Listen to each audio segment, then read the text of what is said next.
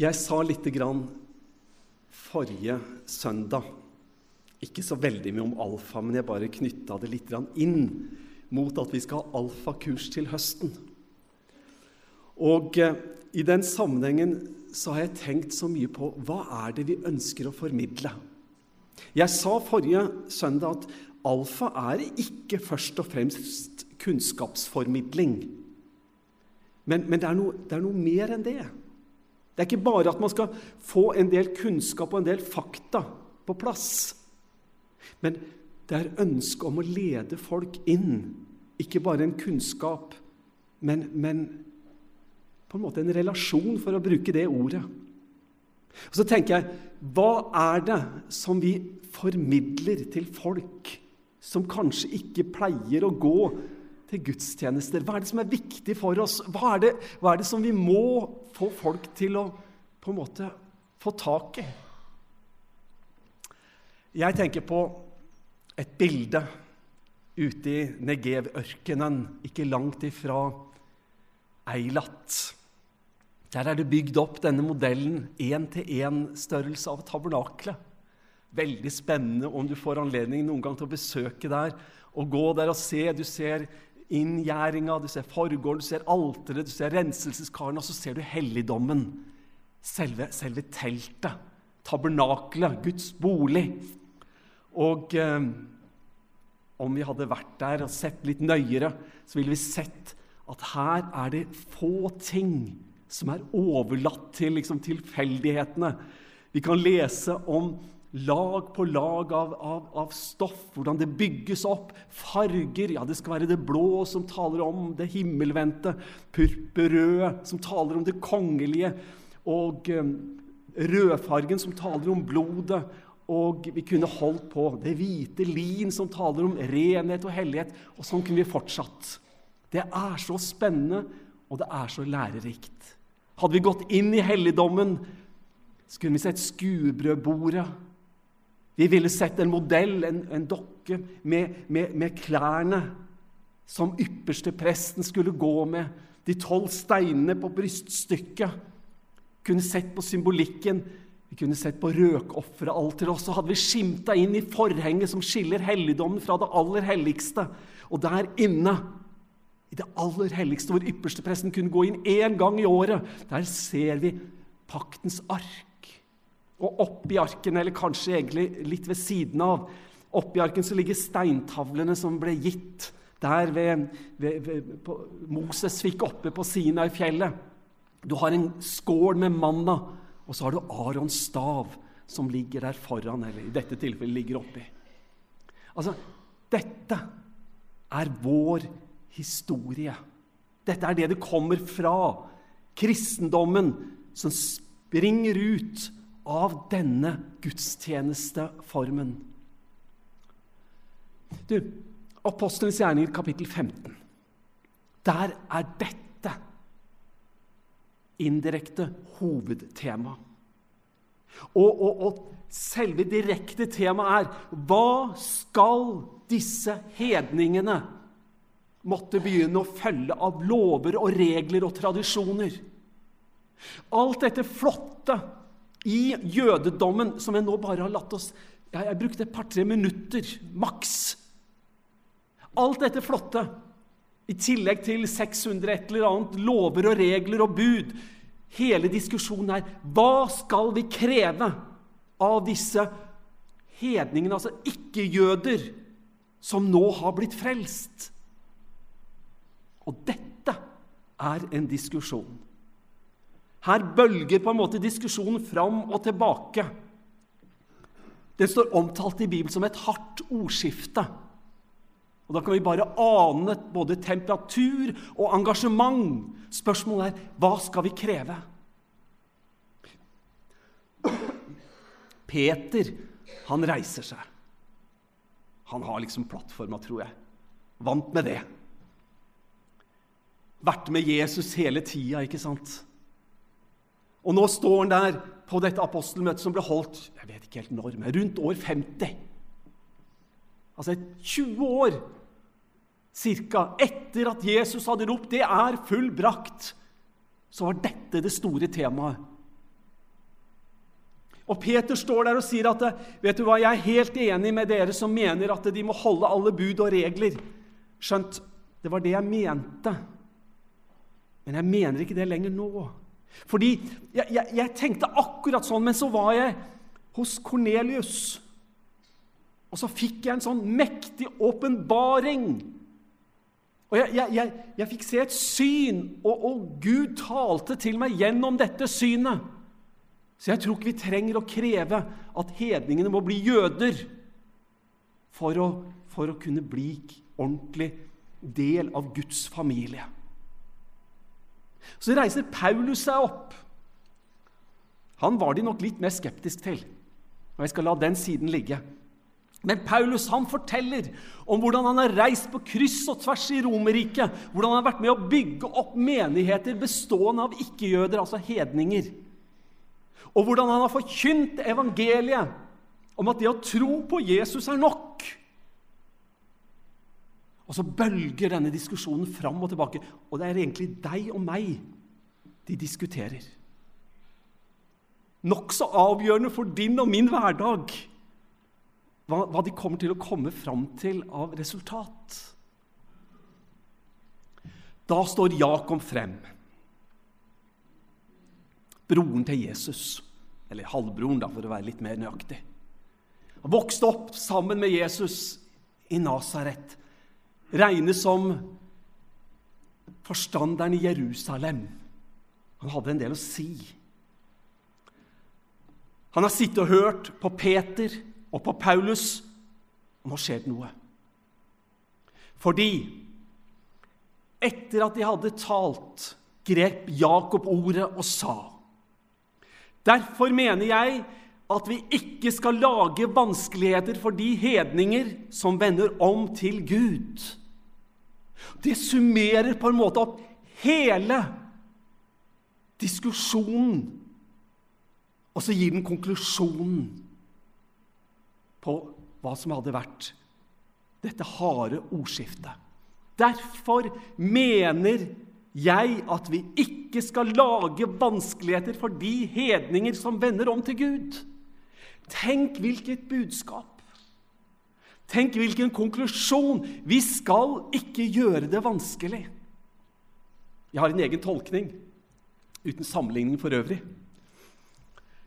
La oss gjøre frelsen så lett tilgjengelig som mulig. Hilsen Helge Terje. Er ikke det fantastisk? La oss gjøre det så enkelt som overhodet mulig for folk å bli frelst. La oss gjøre det så enkelt som overhodet mulig at folk kan bli en del av vårt fellesskap. La, la, oss omfavne de og omslutte de og taue de inn og si 'Dere tilhører oss. I Kristus er vi én.'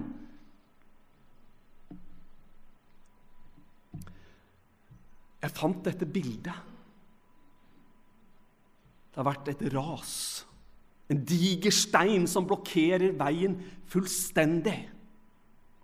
Der kommer det ingen forbi. Du, alt som er til hinder for at mennesker skal kunne komme til Jesus, det må vi se og få fjerna. Om det er noe som du tenker på som kan gjøre det vanskelig for folk å forstå evangeliet i vår sammenheng, om det er et hinder for at folk skal kunne ta imot frelsen Du må si det til meg, og så må vi arbeide, for vi må få det bort. Jeg har et litt langt bibelavsnitt som jeg vil lese for deg. Jeg, jeg, jeg kjenner det er, det er litt komplisert, men jeg er sikker på at vi får tak i det. Det er eh, Peter som har noe å si. For når jeg sier alt som hindrer mennesker, må vi ta bort. Så mener jeg egentlig nesten alt. Nesten alt. Hør bibelteksten. Kom til ham, den levende steinen, som ble vraket av mennesker, men er utvalgt og dyrebar for Gud og bli selv levende stener som bygges opp til et åndelig hus. Bli et hellig presteskap og bær fram åndelige offer, som Gud tar imot med glede ved Jesus Kristus. For det heter i Skriften, se, på Sion legger jeg en hjørnestein utvalgt og dyrebar. Den som tror på ham, skal ikke bli til skamme. Altså blir den til ære for dere som tror. Men for dem som ikke tror, er steinen som bygningsmennene vraket, blitt hjørnestein, en snublestein og en klippe til fall. Det jeg tror Peter formidler, det er, det er noe som kan være der et, som et hinder. Som alltid vil være det. Og han kaller det som en snublestein. La meg sitere hvordan Paulus skriver det i første Korinterbrev. Der skriver Paulus For ordet om korset er en dårskap for dem som går fortapt, men for oss som blir frelst, er det en Guds kraft. Du, det er én ting som står der, som vi aldri kan forandre på. Som vi aldri kan forhandle bort. Som vi aldri kan liksom gi oss på. Det er fortellingen om Jesus. Det er evangeliet om at det er en som er såra for våre overtredelser. Han ble knust for våre misgjerninger. Straffen ble lagt på han for at vi skulle ha fred, og ved hans sår så har vi fått legedom. Du, det er noe som ikke vi kan forhandle bort. Det er noe som er der. Så får det være en snublestein for de som ikke tror. Så får det være et hinder at evangeliets dårskap er der, og de klarer ikke gripe det. Men bortsett fra fortellingen og budskapet om Jesus, så tror jeg at vi skal ha Jakobs tanke veldig klart i vårt hode. Derfor mener jeg at vi ikke skal lage vanskeligheter for de hedninger som vender om til Gud. Du, det apostlene formidler til oss, det er er det noe som helst som gjør det vanskelig for folk, så er det ikke verdt det. Vi må åpne alle dører, alle veier, for at folk skal lære Jesus å kjenne. Derfor mener jeg at vi ikke skal lage vanskeligheter for de hedninger som vender om til Gud. Den setningen for hedninger som vender om til Gud. I det ligger det et budskap om at de tar imot Han som sies å være veien, sannheten og livet. Du, det er i denne sammenheng jeg faktisk tenker på alfa. Altså, Vi møter mennesker hvis det, at det, det blir som vi håper og som vi ber om, at vi tar med oss at vi tar med oss én eller to, kommer på alfakurs, spør en nabo, en arbeidskollega eller hva det måtte være vil du bli med på alfakurs. Og Om det blir sånn at vi, vi blir en gruppe til høsten der, eller om det er mennesker som vi møter på vår vei Jeg har en nabo som jeg syns alltid er ute i hagen. Så de, de sjeldne gangene jeg er ute i hagen, om å klippe en plen, eller hva det er, så møter jeg naboen. Og, og, og det er en sånn hyggelig, og, hyggelig kar.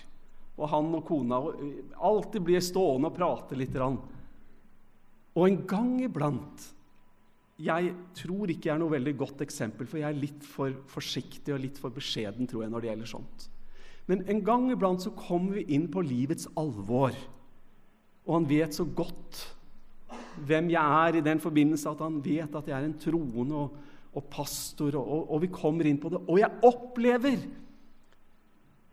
hvor godt det er å snakke med folk direkte om, om Gud og, og om, om, livets alvor og livets gleder og noen ganger om livets hverdager og vanskeligheter. Og vi opplever at det, det er noe man har til felles. Vi skal ikke gjøre det vanskelig for noen. Nå skal jeg gi deg noen eksempler på ting som folk synes kan være vanskelig med meg, eller med oss. da. Jeg fant det på Internett. Jeg har googla og googla og googla. Hva er det som hindrer mennesker å ta imot Jesus? Hvorfor er det mennesker forlater kirker? Hvorfor er det de kommer én gang for aldri mer å komme? Alle disse spørsmålene. Og Du kan holde på å lese så lenge du har lyst, for det, informasjonstilgangen er tilnærma uendelig.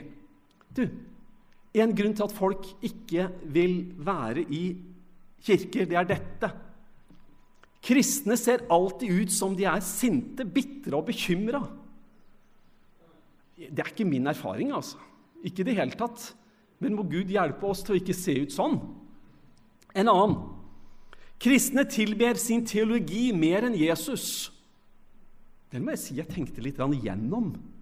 Er det sånn at folk oppfatter oss dit hen at det liksom Jesus kommer i annen rekke? Du, denne her er jo ille i den grad den er sann, og vi vet jo at den er sann i noen tilfeller. Men må Gud hjelpe oss at ikke er sant om oss. Kristne er falske. De lever helt forskjellig liv på søndagene i forhold til resten av uka. Kristne bruker bønn som unnskyldning for passivitet. Det vil si 'Å ja, jeg vil be for deg', men vi vil ikke hjelpe deg. Vi vil ikke bruke verken tid eller midler, eller noe, men vi skal huske på å be for deg. Det er ikke alltid folk syns det er så flott. Du, som, en, som, som en parentes det, vet du hva? Jeg opplever at folk er veldig takknemlige for forbønn. Det er en helt annen sak. Men, men, men her er vi ikke nødt til å bare velge én av delene. Men det å kunne hjelpe mennesker. En, en, annen Kristne fordømmer alt og alle, men er ikke noen bedre selv. Er ikke noe bedre selv, ja. Altså, Vi blir anklaga for å være hyklerisk. Og vet du hva? Alt dette er mer eller mindre sant for oss alle sammen. Alt dette er mer eller mindre sant. Og det er vel et uttrykk for at vi er underveis. Men dere, det skal ikke være sånn. Og dette er hinder for folk, for de ser ikke budskapet gjennom den type holdninger og verdier, hvis det er det vi reflekterer. Jeg kom over en artikkel som leda meg til en annen artikkel, og som leda meg til en tredje artikkel, tror jeg det var. Og plutselig så var jeg i Portland i USA og leste om en metodistmenighet som jeg aldri har hørt noen ting om. Men den metodistmenigheten er kjent for at den setter opp en del sånne skilt. Med, altså, dere ser bildet der, og, og, og der setter de opp forskjellige tekster på denne skilttavla som står utafor bygningen. Og eh, jeg syns det var litt artig, og jeg må vise dere noen eksempler. Her er ett. Vi støtter skillet mellom kirke og hat. Og det er jo nokså greit. Altså, vi støtter det. En, en, sanger sa at man protesterte var det ikke mot død og forgjengelighet. Og, og, og man kan protestere mot mye. Men, men, her ønsker Kirken å, ha som et eh, som, som, på, på, denne plakaten vi, vi, støtter at det skilles mellom kirke og hat. Det skal ikke være en sammenblanding der. Så var det i forbindelse med allhelgenes dag så skrev de denne teksten. Nå er det allhelgenes dag. Bli den personen som din hund tror du er. Det var jo tankevekkende. Bikkja som tror du er så snill. Du gir den mat, og den kommer. Ja, hva vet vi hva bikkja tror, men i alle fall. Eh, vær nå den personen som din hund tror du er. Det var jo litt tankevekkende, syns jeg. Hva tenker dere om denne? I motsetning til det folk flest tror. Jeg hater ingen. Hilsen Gud. Det kan jammen være noe i det òg. Folk tror at Gud er hevngjerrig. Det er mange mennesker som tror at Gud hater det. Det er altfor mange mennesker som tror at Gud er ute etter å straffe dem. Men så har de satt opp denne plakaten utafor denne metodistkirka, i motsetning til det folk flest tror. Jeg hater ingen. Den plakaten som fikk meg til å gjøre denne reisa rundt forbi og til slutt havna i denne menigheten i Portland, var en plakat som var blitt delt en uendelighet av ganger, hadde jeg nær sagt. Den, den, ble skrevet første gang i 2012, hvis jeg har forstått historien riktig. Den har jeg tenkt mye på. Nå skal du også få lov til å tenke på den. Gud foretrekker vennlige ateister fremfor hatefulle kristne. Den måtte jeg tenke på. Til å begynne med tenkte jeg nei, det gjør han ikke. Takk og lov. Gud elsker meg, jeg elendige synder. Han elsker hver eneste en som har kommet og tatt imot tilgivelse, på tross av alt det gærne og, og vonde og ufullkomne i oss. Men så tenkte jeg men hatefulle kristne? Er, er, går det an å snakke om hatefulle kristne hvis de skal være fylt med kjærlighet, og hvis de skal være fylt med Den hellige ånd, og, og hvis de skal være fylt med Gud? Kan, altså, går det an å blande lys og mørke så fullstendig? Altså, ja, jeg vet ikke. Men, men jeg har nå blitt værende i, i, i denne tanken. Gud foretrekker vennlige ateister fremfor hatefulle kristne. Jeg tror, jeg tror, det er egentlig ord som settes sammen, som ikke lar seg kombinere. Men, men, men det skaper litt refleksjon. Hvordan er det mennesker opplever oss? Vil de heller oppleve oss, eller vil de heller oppleve en ateist? Vil de tenke når de kommer for å ha en samtale med deg og meg som er troende, at 'Å, det er så godt å snakke med deg'? Eller vil de tenke 'Å, jeg skulle ønske jeg hadde gått til han psykiateren i stedet', som ikke er en kristen, men som i hvert fall har medfølelse og, og empati og alt dette? Hvordan opplever mennesker deg og meg som Guds representanter? Hvis vi tenker at det eneste dreier seg om eller, eller kjernen i evangeliet dreier seg om at vi skal ha dette rette forholdet til Gud, så tror jeg det blir for endimensjonalt. Når Moses kommer ned fra fjellet Han har vært oppe og fått de ti bud. Loven, fokuset, mye på, på Gud, hva mennesker skal gjøre, den jødiske religion som utvikler seg som legger så stor vekt på hva vi skal gjøre for, for Guds skyld. Kjenner du igjen det uttrykket, forresten? Ja, for Guds skyld, gjør nå det. Vet du hva? Jeg tror Gud klarer seg så greit. Jeg tror det er få ting vi trenger å gjøre for Guds skyld, sånn sett. Og, og, og vår, vår store medfølelse for Gud tror jeg av og til kanskje kan være direkte overdrevet han klarer seg greit, hvis jeg får si det veldig hverdagslig. Men du Kjernen i evangeliet Jesus oppsummerte det sånn. Du skal elske Herren din Gud av hele ditt hjerte, av hele din sjel og av alt av, Forlatelse. Jeg skal begynne på nytt. Ja. Du skal elske Herren din Gud av hele ditt hjerte og av hele din sjel og av hele ditt sinn og av all din kraft. Det andre budet det er dette. Du skal elske din neste som deg selv. Ikke noe annet bud er større enn disse. Du husker jeg siterte Jakob, han som sto fram og sa at vi skal ikke gjøre det vanskelig for disse hedningkristne.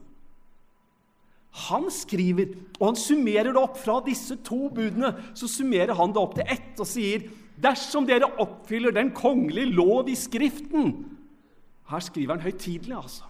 Dersom dere oppfyller den kongelige lov i Skriften, du skal elske din neste som deg selv, da gjør dere rett. Paulus i Galaterbrevet. Han skriver det på denne måten. For hele loven, alt sammen, for hele loven blir oppfylt i dette ene bud. Du skal elske din neste som deg selv. I rombrevet så, så, utlegger Paulus den tanken litt mer. Bare hør her. Den som elsker sin neste, har oppfylt loven. For disse budene du skal ikke bryte ekteskapet, du skal ikke slå i hjel, du skal ikke stjele, du skal ikke begjære, eller hvilket bud det nå er, det så er, sammenfattes i dette. Er jo helt fantastisk. Sammenfattes i dette. Du skal elske din neste som deg selv. Kjærligheten gjør ikke noe ondt mot nesten. Derfor er kjærligheten oppfyllelsen av loven. Dere, hva er det vi skal formidle? til de som søker? Er det x antall hundre bud og lover og regler? Er det, er det x antall år gamle tradisjoner? Det er jo selvfølgelig ledende spørsmål. Vårt fokus det får lov til å være oppad til Gud. Det skal det være. Vi skal elske Herren vår Gud. altså Vi skal ha denne nærheten til Gud. For uten Han så er ikke vi i stand til å dele hans kjærlighet. Uten han så er ja, det gode som vi kanskje vil, det klarer vi ikke å gjøre, osv. osv. Vi er nødt til å ha en berøring og et fellesskap med Gud.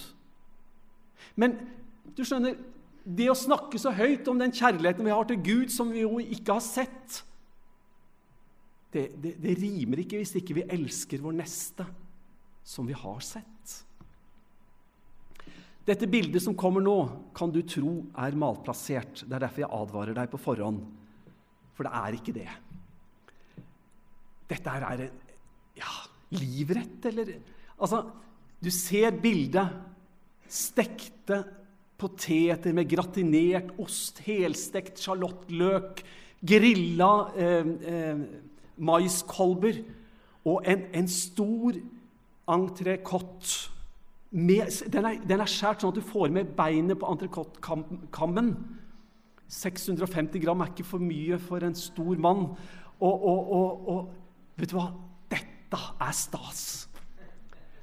Altså, Hvis du serverer sånt, du må gjerne invitere til, ut til middag. Altså, jeg, kan, jeg kan glede meg over et sånt måltid. Jeg kan glede meg over det faktisk i lang tid. For jeg syns det, det var så fest, og det var så hyggelig. Men du La meg vise deg et bilde. Et helt annet bilde. Det er bildet av tre av de menneskene som betyr veldig, veldig mye for meg. Det er kona mi, Gerd Anne, og så er de to barnebarna våre. Og jeg vil gjerne si deg en ting. Hvis du er slem og stygg mot noen av de, så trenger ikke du invitere meg på middag. Vet du hva? Du kan friste meg med den beste middagen som tenkes kan. Jeg er overhodet ikke interessert. Den middagen betyr 0,000. Og jeg har ikke det minste lyst til å sitte og småprate og le av vitsene som vi forteller hverandre, og ha det hyggelig. Hvis du plager og er stygg imot de to barnebarna mine som du ser bilde av der, nå er det heldigvis ingen av dere som har vært i nærheten av det. Dere har bare vært så uendelig snille og gode mot meg og min familie fra den dagen jeg kom hit. Men du forstår hva jeg snakker om. Og så tror vi av og til